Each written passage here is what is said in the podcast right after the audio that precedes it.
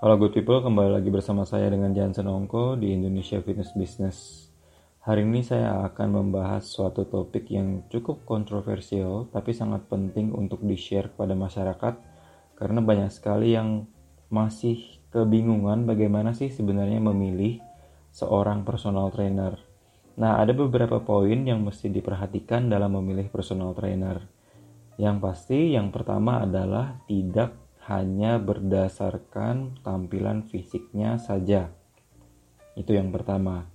Kenapa? Karena banyak sekali yang pelatih-pelatih atau misalnya ya mungkin atlet kompetitif di bidang binaraga itu memang memiliki disiplin dan konsistensi yang baik terlepas dia menggunakan steroid ataupun tidak tetapi untuk mencapai shape tertentu seperti single digit body fat dengan pahatan otot yang terlihat dengan jelas itu membutuhkan komitmen yang sangat besar sekali. Dari personal trainer yang aktif bertanding, Anda dapat belajar yang disebut dengan konsistensi. Tapi secara wawasan sendiri belum tentu dalam. Mengapa? Karena yang terjadi di lapangan adalah kebanyakan yang kompetitif atau yang memiliki single digit body fat itu menjalani program yang berhasil di tubuhnya sehingga kebanyakan akan mencoba untuk mengaplikasikan hal tersebut program pola makan dan lain-lain ke orang lain. Nah, kenapa ini penting? Karena kondisi kesehatan, kemudian pekerjaan dan semua yang yang berhubungan dengan kehidupan dari klien itu berbeda. Case-nya berbeda.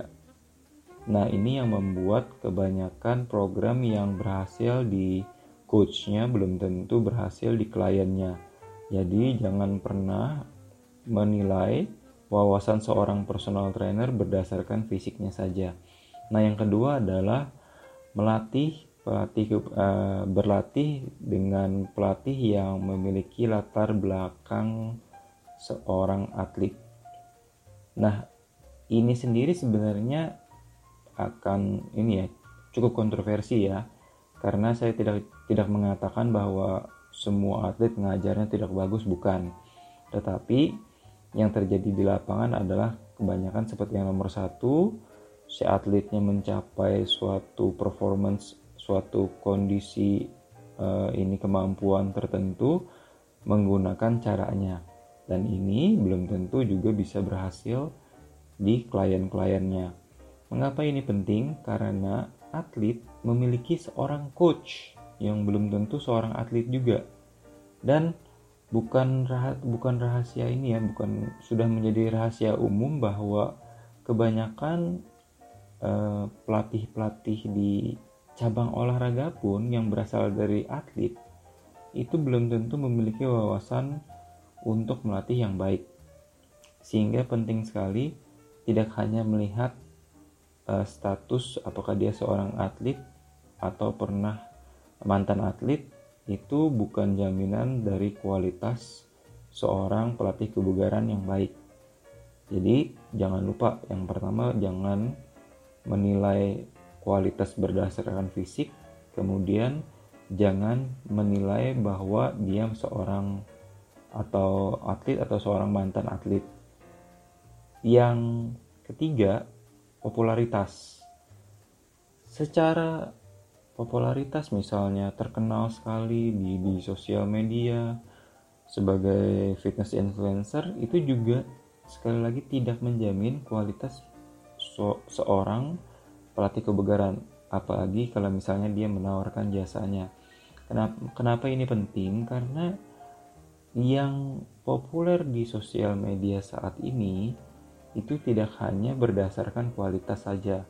Baik kontroversi atau misalnya ya di saat sharingnya memakai pakaian yang cukup terbuka sehingga mengundang lebih banyak follower untuk uh, orang tersebut itu makanya popularitas bukan hal yang menjamin kualitas dari seorang pelatih kebugaran.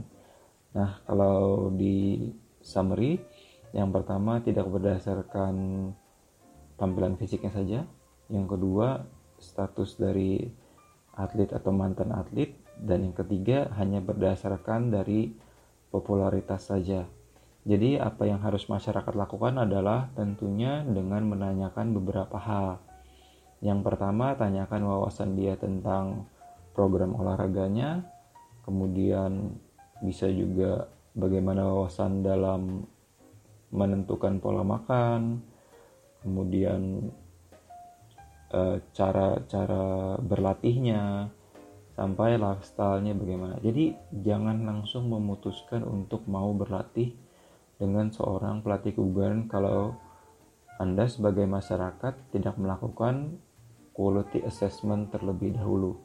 Nah, untuk quality assessment sendiri tentunya yang paling mudah adalah menanyakan kepada ini ya, kepada masyarakat pengguna jasa dari personal trainer tersebut atau pelatih kebugaran tersebut atau yang disebut dengan referensi. Referensi jangan cuma dari satu orang, tapi lihat dulu jangan karena uh, posting-postingnya saya melalui sosial media ya. Jangan hanya berdasarkan sos sosial media posting yang di mana menunjukkan before after saja.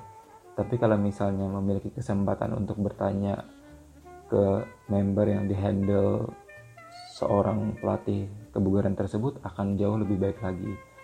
Tanyalah sekitar 2-3 orang dan uh, gali lebih dalam bagaimana metode-metode dan pengalaman yang mereka jalani selama beberapa bulan bersama pelatih kebugaran tersebut.